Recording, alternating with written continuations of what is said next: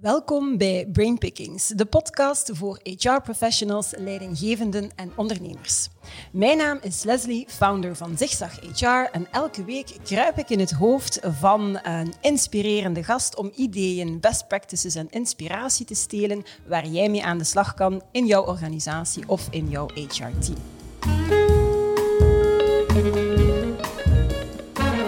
Eén keer per maand kijk ik ook eens over het muurtje. Want misschien kunnen we wel het meeste leren van mensen en bedrijven en sectoren die op het eerste zicht helemaal niets met ons eigen vakgebied en dus niets met HR te maken hebben.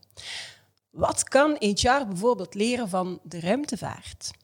Daarvoor kruip ik vandaag in het hoofd van Nancy Vermeulen. Nancy die heeft na haar opleiding Master Theoretische Fysica, werd zij lijnpiloot.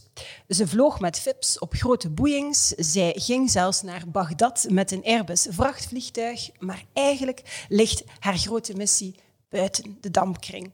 Als kind was ze al gefascineerd door alles wat te maken heeft met de ruimte en ze wou ruimtevaarder worden. En alles wat zij C13 heeft gedaan, stelt ze in het teken van het realiseren van die droom. Dat maakt dat ze ondertussen Sir Richard Branson heeft ontmoet. Dat zij als een van de weinige vrouwen heeft deelgenomen aan de ESA-selectie voor kandidaat-astronauten. En sinds vorig jaar leidt ze zelf privé-astronauten op. Met HR heeft ze niet zo'n goede verstandhouding. HR denkt te veel in hokjes en Nancy is iemand die zich niet zomaar in hokjes laat dwingen. Ik kan niet anders dan aan ruimtevaarder denken van Comme il faut. Meester Frank, Nancy komt waarschijnlijk morgen niet naar school. Ze moet planeten gaan ontdekken. Dat is de plicht die elke ruimtevaarder heeft. Welkom, Nancy. Goedemiddag. Goedemiddag. Nancy, ik um, was bij de voorbereiding van ons gesprek voor vandaag uh, op zoek naar een passende quote voor jou. En ik kwam eigenlijk op de quote: Those who say it cannot be done should not interrupt those who are doing it. Ik vind dat een treffende quote voor jou en bij uitbreiding voor iedere pionier. Absoluut. Um, ja, en als we terugkijken hè, naar, naar de geschiedenis, dan zijn er eigenlijk altijd pioniers geweest hè, die nieuwe industrieën en nieuwe sectoren op gang trekken. Mensen die hun kop boven een maaiveld durven uitsteken. Ook jij.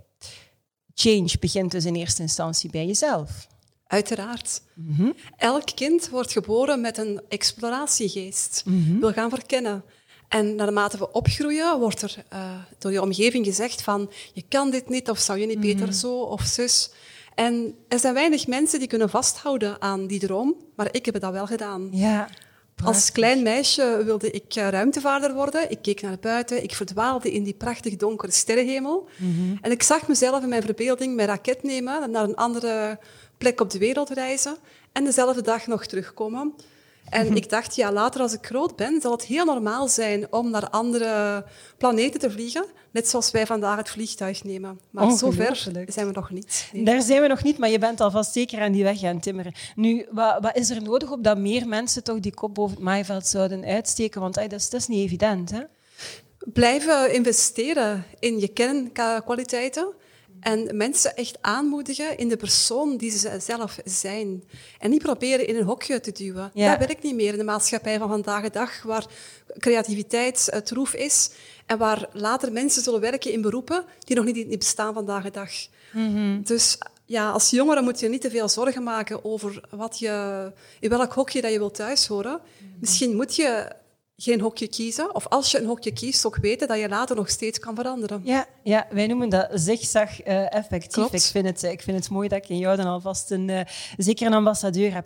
Nu, um, in tegenstelling tot wat, wat, we beweren, ligt het eigenlijk in onze natuur hè, om grenzen te verkennen en om te veranderen. En toch is er toch zo een grote weerstand uh, ten opzichte van verandering. Heb jij daar enige verklaring voor? Hoe komt dat? Mensen zijn bang van de verandering en pioniers zijn daar de uitzonderingen op in de ja. maatschappij. Dat is van alle tijden. Kijk naar de tijd van Columbus. In die tijdsgeest uh, lachte men hem uit. De doorsneebevolking dacht dat de aarde plat was. Mm -hmm. En toch zijn pioniers zoals hij de wereld uh, zie gaan uh, verkennen. Na Wereldoorlog 2 hebben we dan uitgebreid het luchtruim mm -hmm. um, gecommercialiseerd. En dat gebeurt nu ook in de ruimtevaart. Ja. Nu kunnen enkele ja, gefortuneerde mensen vliegen en uiteraard ook professionele astronauten. Maar de komende tientallen jaren zal de ruimtevaart toegankelijker worden voor veel meer mensen. Ja. Net zoals we nu raar neerkijken op die mensen die naar de ruimte gaan, gaat dat een heel normale zaak worden voor de komende generatie. Ja, en wat bedoel je dan de komende generatie? Ik, ik, ik ben nu 46. Hoe, hoe oud ga ik zijn als ik met een raket naar de andere kant van, van, van de wereld kan, kan vliegen, bijvoorbeeld? Na Wereldoorlog 2 had je investeerders die uh, investeerden in de eerste um, luchtvaartmaatschappijen. Nu zie je de opkomst eh, van grote raketten die meerdere mensen kunnen vervoeren. Bijvoorbeeld een SpaceX van Elon Musk. Die zou tot 100 mensen kunnen vervoeren. Van één punt op de aarde naar het andere punt op de aarde. En Richard Branson is daar ook mee bezig. Nu, het zal afhangen van de schaalvergroting. Ja. Aan welke snelheid dat, dat gaat gebeuren. Maar... Hmm het commercialiseren van wat wij low Earth orbit noemen, lage baantjes eh, rond de aarde draaien, waar het internationaal ruimtestation zich bijvoorbeeld bevindt, mhm. dat gaat um, vrij snel gaan. En vrij dus snel 60, 70 jaar? Ik heb geen idee. Nee, oh, jammer. Ik niemand had kunnen zeggen, ja. als je kijkt naar de jaren 2000, niemand had dat kunnen zeggen hoe snel internet en de mhm. digitalisering zou lopen. Twintig jaar later ja, maken we daar allemaal gebruik van.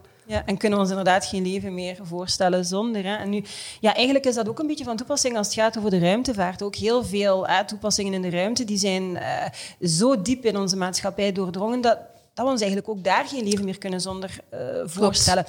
Welke toepassingen zijn dat bijvoorbeeld? Want ik denk, mensen staan daar inderdaad niet meer bij stil. Ja, uiteraard. Denk je maar aan satellieten die we gebruiken om te navigeren, mm weersatellieten, satellieten om het klimaat in de oog te houden, die ook natuurrampen in kaart brengen.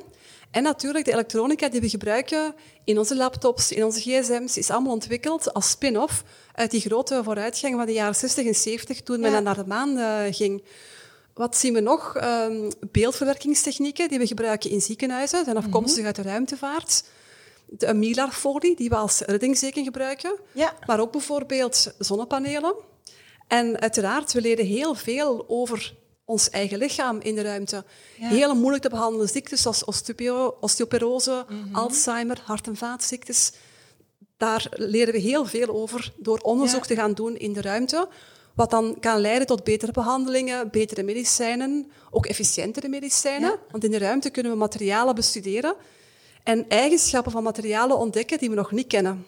Wauw. Ja, want eh, als, als je dat zo vertelt, Nancy, dan um, kijk je toch op een totaal andere manier naar de ruimtevaart. Nu wordt daar naar gekeken in de zin van, ja, we gaan een crisisperiode, zal zeker toch niet mensen naar de, de ruimte laten uh, spelen. En terwijl daar wordt helemaal niet gespeeld, daar wordt eigenlijk, als ik het goed begrijp, nu de grondslag gelegd voor zaken die binnen 30 jaar ja, common zullen zijn en, en, overal gebruikt zullen worden. Ja, die ruimtevaart verbindt topwetenschap met toptechnologie. Ja. En de vooruitgang die we daar zien, vindt eh, pas 20 tot 30 jaar later toepassingen.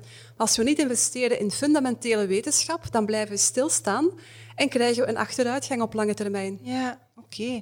Ehm, ik was um, vlak voor de zomer um, in gesprek met Eddie de Brulle, de CHRO bij Ageas Groep. En uh, we hadden het toen ook over change. En hij gaf mij aan, ja, zegt hij, volgens mij hebben we change in het verleden misschien ja, veel te projectmatig aangepakt, waardoor dat we dat proces eigenlijk nodeloos hebben ja, lang gemaakt.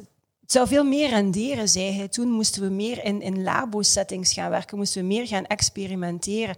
En dat is een stukje wat ik jou inderdaad gewoon vertellen. Hè, ja, laat dingen gewoon gebeuren. Ja. Door te onderzoeken kom je soms zaken tegen die je totaal niet uh, zou uh, verwachten. Mm -hmm. Ja. En het motiveert ook. Hè? Als je in extreme kan denken, als je nieuwe werelden kan verkennen, dat mhm. motiveert een hele generatie ingenieurs. Kijk maar naar Elon Musk, ja. die een Tesla de ruimte inschiet, maar daardoor mhm. wel een hele generatie ingenieurs motiveert die de wereld van morgen beter zullen maken. Ja, mooi hoor.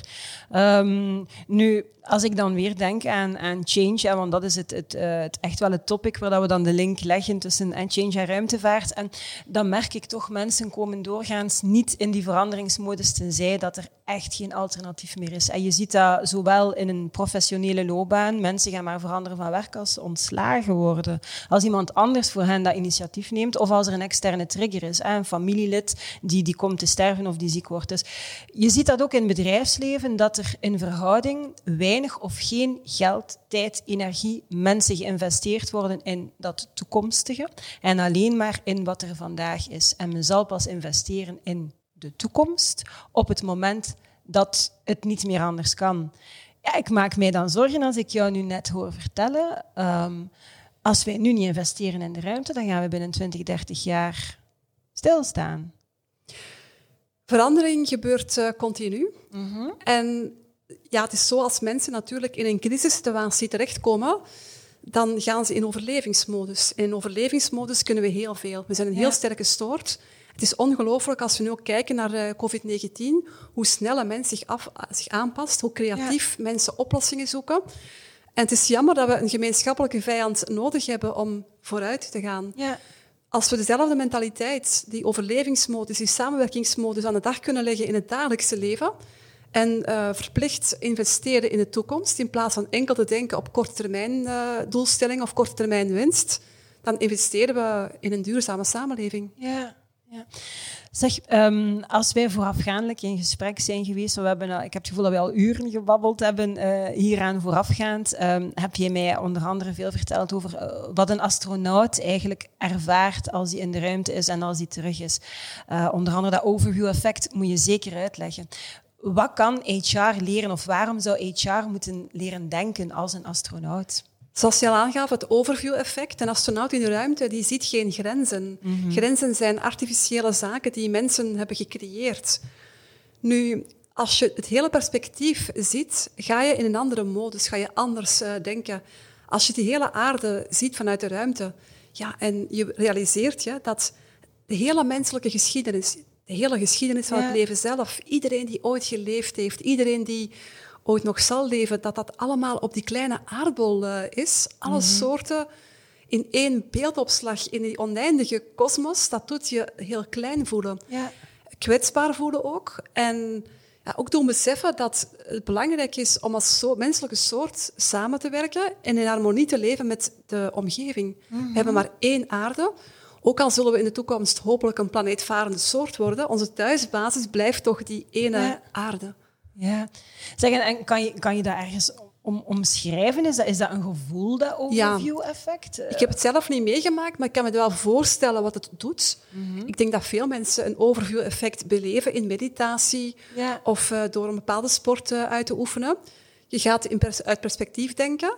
Ik kan het best vergelijken met een tocht door de bergen. Stel dat je een hele mooie tocht doet in een bus met een aantal mensen in de bergen en de gordijnen zijn uh, dicht. Mhm. En je ruziet over uh, onbelangrijke dagelijkse zaken.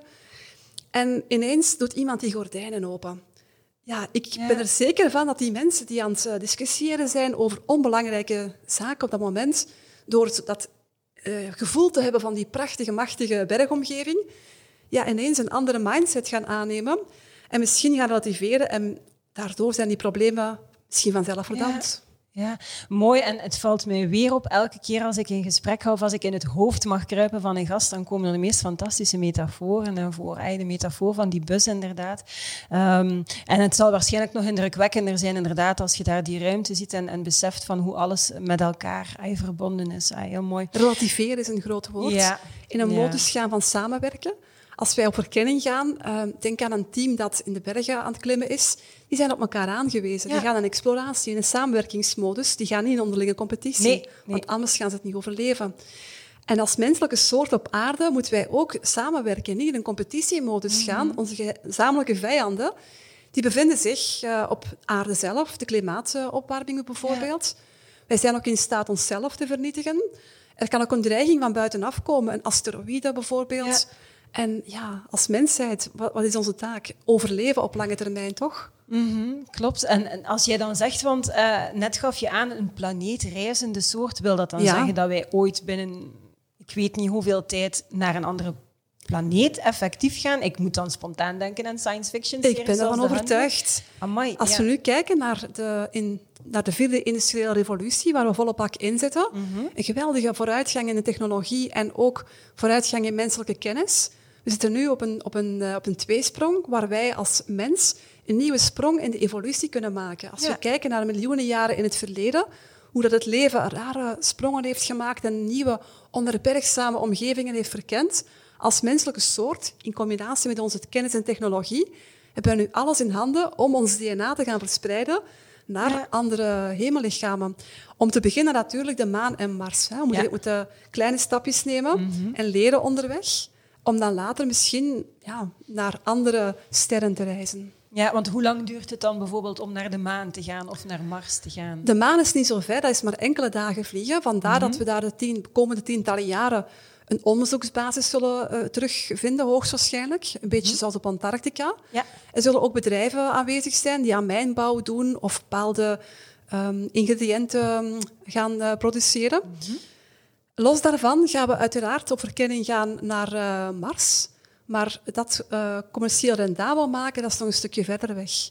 Daarentegen, alles wat zich in de lage baan om de aarde bevindt, dat kan wel gecommercialiseerd worden. We zullen ook de komende tien jaar uh, een opkomst zien van een nieuwe economie. Ja. De ruimtevaarteconomie, die voor heel veel mensen toegankelijk is. Mm En uh, ja, werk zal bieden. Ja, ik vind dat, ik vind dat het, het lijkt allemaal zo onvoorstelbaar en toch is die toekomst hè, zo dichtbij. Want ik was um, enkele weken, of het zal een maand, uh, het zal langer dan een maand geleden zijn, was ik in gesprek met um, een van de founders van Upgrade Estate. En um, ik vroeg van, wat is uw, uw, uw, big plan, waar wilt je naartoe? En hij zei, ik wil een studentenkot op Mars bouwen. Kijk die heeft een, ticket, heeft een ticket gekocht, zei die bij Elon Musk. Dus die man die meent dat echt. En ik vind dat, we hebben zo dromers nodig om constant in, ja, in, in, in, in, in die verandering te gaan en om nieuwe industrie, nieuwe economieën te Ik gaan vind het geweldig, ook een Elon Musk, die vertelt ook elke ontwikkeling die hij doet en elke mm spin-off die daaruit voortkomt.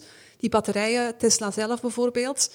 Ja, of dat hij nu op Mars terechtkomt, ja of nee, dat maakt op mhm. zich niet uit. De weg er naartoe en alle spin-offs die daaruit voortkomen en een hele generatie die geïnspireerd wordt, dat op zich is al heel erg... Uh, ja, belangrijk in de geschiedenis van de mens. Mooi, want eigenlijk is dat dan een stukje ja, change hè? In, in, het, in, het, in de verkenning naar of in het, in het doelgericht gaan naar. Ja, en dat kan ook in Amerika. En dat is jammer dat dat hier in België, Vlaanderen zo weinig aan bod komt. Hier hebben wij mhm. een mentaliteit van als je een tof idee hebt en je bent ambitieus, ja, dan word je nogal vrij snel naar beneden getrokken van het is goed, uh, blijf maar bij de grond. Hè. Ja. Letterlijk en figuurlijk. Als je dan, ja, ik zit vrij veel in Nederland en ik werk ook wel samen met uh, Amerika. Mhm. Als je daar een ambitieus idee hebt, dan moet je dat vooral communiceren, mee naar buiten brengen. Je gaat andere enthousiastelingen ontmoeten. Men gaat rapper denken in win-win situaties. Mhm. En kijken hoe dat daar een vooruitgang in kan uh, voortkomen. Ja, terwijl dat we hier in ons land, doe maar, doe maar even rustig. Ja, een beetje klein denken soms. Jammer, ja. Ja, dat is inderdaad jammer. Nu, jij was ook commandant van de Mars-simulatiemissie in Utah. Hè. Je hebt daar geleerd hoe, hoe, tijdens een missie wetenschappelijk experimenten te doen en ook om mensen voor te bereiden hè, op noodsituaties. Welke lessen die je daar hebt geleerd kan je meegeven aan professionals en misschien ook met HR, want je had daar niet zo'n goede verstandhouding mee. Het is misschien het ultieme moment om hen wat tips te geven. In HR, HR beter, wordt er heel veel in, in vakjes uh, gedacht. Mhm. Net zoals op school je een vakje krijgt of labeltjes krijgt. En ja, kerncompetenties van mensen, die komen daar niet altijd uit. En op die mhm. manier gaat er veel talent verloren, vooral creatief talent. Um, op zo'n Mars-simulatiemissie kom je echt met jezelf in het reinen. Je kan je niet verbergen voor andere mensen. Um, als je een irritatie hebt op de werkvloer, kan je perfect comedie spelen en ja. s'avonds naar huis gaan. Maar dat gaat niet tijdens een simulatiemissie. Nee, Alle maskers vallen af. En ook alle ja, hokjes vallen weg. Ja. En dat is fantastisch. In het begin is het ongemakkelijk, omdat we niet gewoon zijn zo te denken. Mhm. Maar alles wordt meer fluid. Je gaat meer kijken naar, ah, die persoon die heeft die eigenschappen. En ah, die denkt, die denkt zo. Je gaat op een andere uh, manier een dynamiek in je team krijgen. Ja. Wat ik kan meegeven als tip, dat is om directer te communiceren. Durf je kwetsbaar opstellen. Mhm. Toon uh, die kwetsbaarheid ook. En geef uh, ook durf kritiek geven, opbouwende kritiek aan anderen. Als je merkt dat je collega een slechte dag hebt, durf die persoon erop aanspreken en op een positieve manier vooruit helpen. Ja, ja. dat is een stukje transparantie. En ik, ik transparantie, absoluut. Ik herinner me, denk ik, um, dat je toen ook gezegd had, want ja, die, de mensen worden toch vrij zorgvuldig geselecteerd hè, om, om, om in zo'n missie uh, in te stappen. Ik herinner me dat je toen gezegd had dat eigenlijk het totaal niet toe doet wat die achtergrond van die persoon is, maar wel welke meerwaarde dat die kan brengen in dat team. Um, had je daar, oh, ik moet niet denken. Ja, achtergronden zijn natuurlijk wel belangrijk in die zin. Je hebt complementaire vaardigheden nodig. Mhm. Maar ook complementaire karakters. Ja. Je hebt ja. uh, leidinggevende mensen nodig. Uh, Je hebt ook mensen nodig die volgen. Maar die volgers kunnen ook weer leiding gaan geven in een andere setting. Ja. Dus dat is een heel dynamisch proces. Ja. Maar je hebt wel complementaire types nodig, zowel qua karaktereigenschappen als Mhm. talenten, als qua vaardigheden. Eh, kennis, ja, dat kan je natuurlijk uh, opbouwen. Ja, ja, ja. ja, want ik kan me inbeelden als je dan effectief later naar Mars gaat en, en je hebt slecht geselecteerd of daar niet nauwkeurig genoeg op geselecteerd, ja, dan gaat het wel heel lastig worden voor die mensen. Want dan zit je na twee, drie jaar onderweg en dan moet je, je kunt niet even Je bent op elkaar hè? aangewezen, ja. absoluut. Ja, ja. Hmm. Ik ben benieuwd of ik dat zou kunnen, in alle eerlijkheid. De grootste beperkende factor om zulke reizen te ondernemen is de Mhm. menselijke psyche, momenteel. Ja, ja want daar had je mij over Ja. verteld, hè, inderdaad. Technologisch ja. staan we heel ver en ook voor de lichamelijke problemen vinden we wel oplossingen.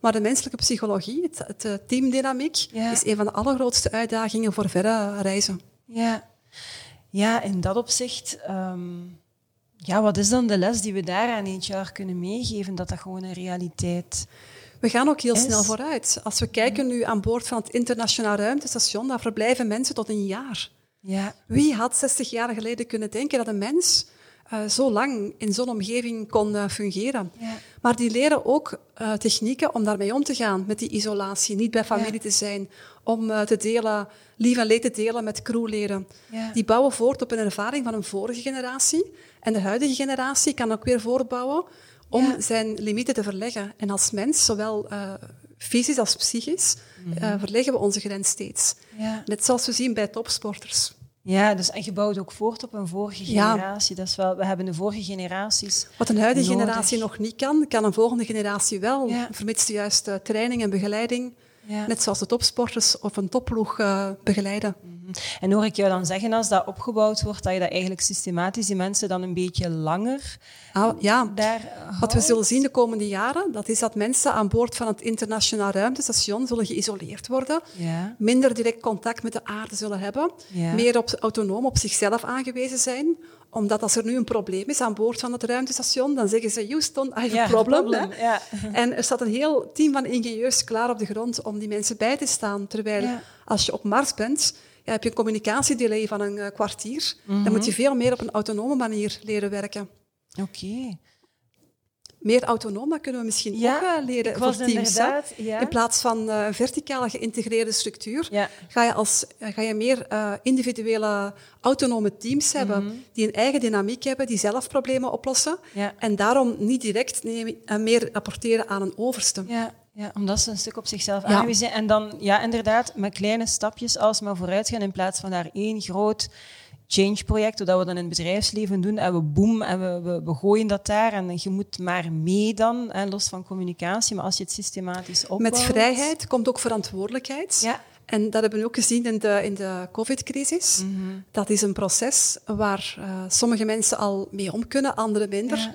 Maar als gemeenschap moeten we daar ook eh, in voorbereiden. Ja. Je hoort ook ehm, van, van kinderen bijvoorbeeld. Bij sommigen gaat het erg goed, omdat ze met vrijheid verantwoordelijkheid krijgen en daarmee leren omgaan. Bij anderen gaat het nog niet goed. Wij zijn ook niet gewoon met vrijheid om te gaan. Mhm. Nee. En dat is misschien een les die we hieruit kunnen leren. Ja, ja, absoluut. Zeg, en jij, jij bent dus ook bezig met jouw eigen Space Academy en Training Academy. En ik zou toch wel graag hebben dat je daar iets meer over vertelt, want misschien zijn er mensen aan het luisteren en aan het kijken die zeggen van, hmm, klinkt boeiend.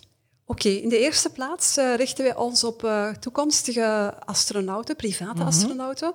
Dus mensen die een ticketje gaan kopen bij een Richard Branson of een, een Jeff Bezos eh, van Blue Origin of binnenkort bij SpaceX.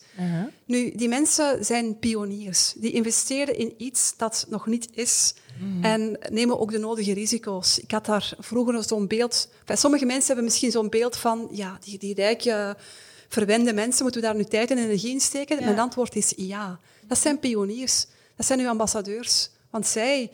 Als zij een positieve ervaring hebben, kunnen zij de hele sector vooruit eh, trekken. Ja. Net zoals gebeurd is na Wereldoorlog 2, konden enkel superrijke mensen vliegen. Ja. werd op neergekeken.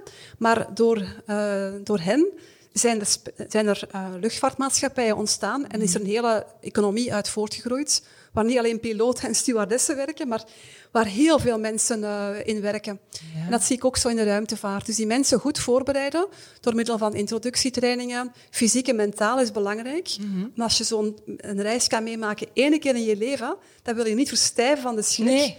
maar het, ja. het, het, gevoel al kennen en het er optimaal van kunnen genieten op, op het moment uh, zelf. Onze tweede doelgroep zijn mensen die nog niet zo'n ticket naar de ruimte kunnen kopen, mm -hmm. maar wel de ervaring willen hebben van zo'n ruimtetraining. Ja. Waarom zouden, waarom zouden gewone particulieren um, een, een, een, opleiding willen volgen bij jou als ze geen ambitie hebben om met Elon Musk mee te gaan? Wat hebben zij Bijvoorbeeld, je wil iets heel exclusief doen. Je hebt uh, al heel wat exclusieve dingen gedaan, gelijk bungee springen. Ja. En ja, die ruimtesimulatie in de simulator in de Soesterberg is de dichtste benadering die bestaat van een echte ruimtevlucht. Ja. Moet je daarvoor nu in topconditie zijn? Zeker uh, niet. Mm -hmm. Mijn mama van, van voor in de 70 jaar heeft zo'n simulatie gedaan. Dat was fantastisch voor haar. Die generatie heeft een maanlanding meegemaakt en zal het niet meer meemaken dat de ruimtevluchten ja. betaalbaar worden. Maar zo'n simulatie, de dichtste benadering tot, is ja. wel haalbaar. Ben je avontuurlijk aangelegd, wil je een unieke beleving, dan uh, kan je ja. bij ons terecht. Wat wij ook doen, zijn workshops voor teams. Ah, oké. Okay. Hoe zou jouw team functioneren in extreme omstandigheden, zoals op Mars bijvoorbeeld? Mm -hmm. Je bent uh, weg van de aarde. Je moet als team autonoom overleven ja. op een vreemde planeet. Dus ook teams kunnen bij ons terecht voor een exclusieve teambuilding. Dat lijkt me in ieder geval dat is een andere opleiding dan als ik nu denk als mensen inderdaad ja, opleidingen gaan volgen om, om ja, die teamdynamieken wat te gaan optimaliseren.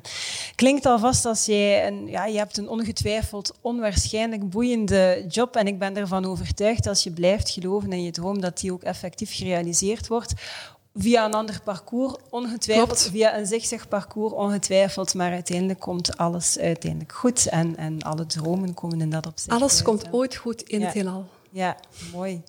Ik vond het, vond het heel boeiend om in jouw hoofd uh, te zitten, Nancy. Uh, ik hoop dat ook jullie ervan genoten hebben en dat jullie ook voldoende inspiratie hebben uh, met deze podcast.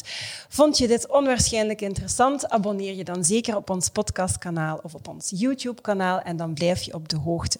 Volgende maand ga ik trouwens opnieuw over het muurtje kijken en in wiens hoofd ik daarvoor kruip, dat ga ik nog niet verklappen. Wat ik wel ga verklappen is dat ik daarvoor de link leg met Employee Engagement. Dus als je erbij wil zijn, zeker abonneren op onze podcast of op ons YouTube-kanaal. En ondertussen, don't forget, it's a great time to be in HR.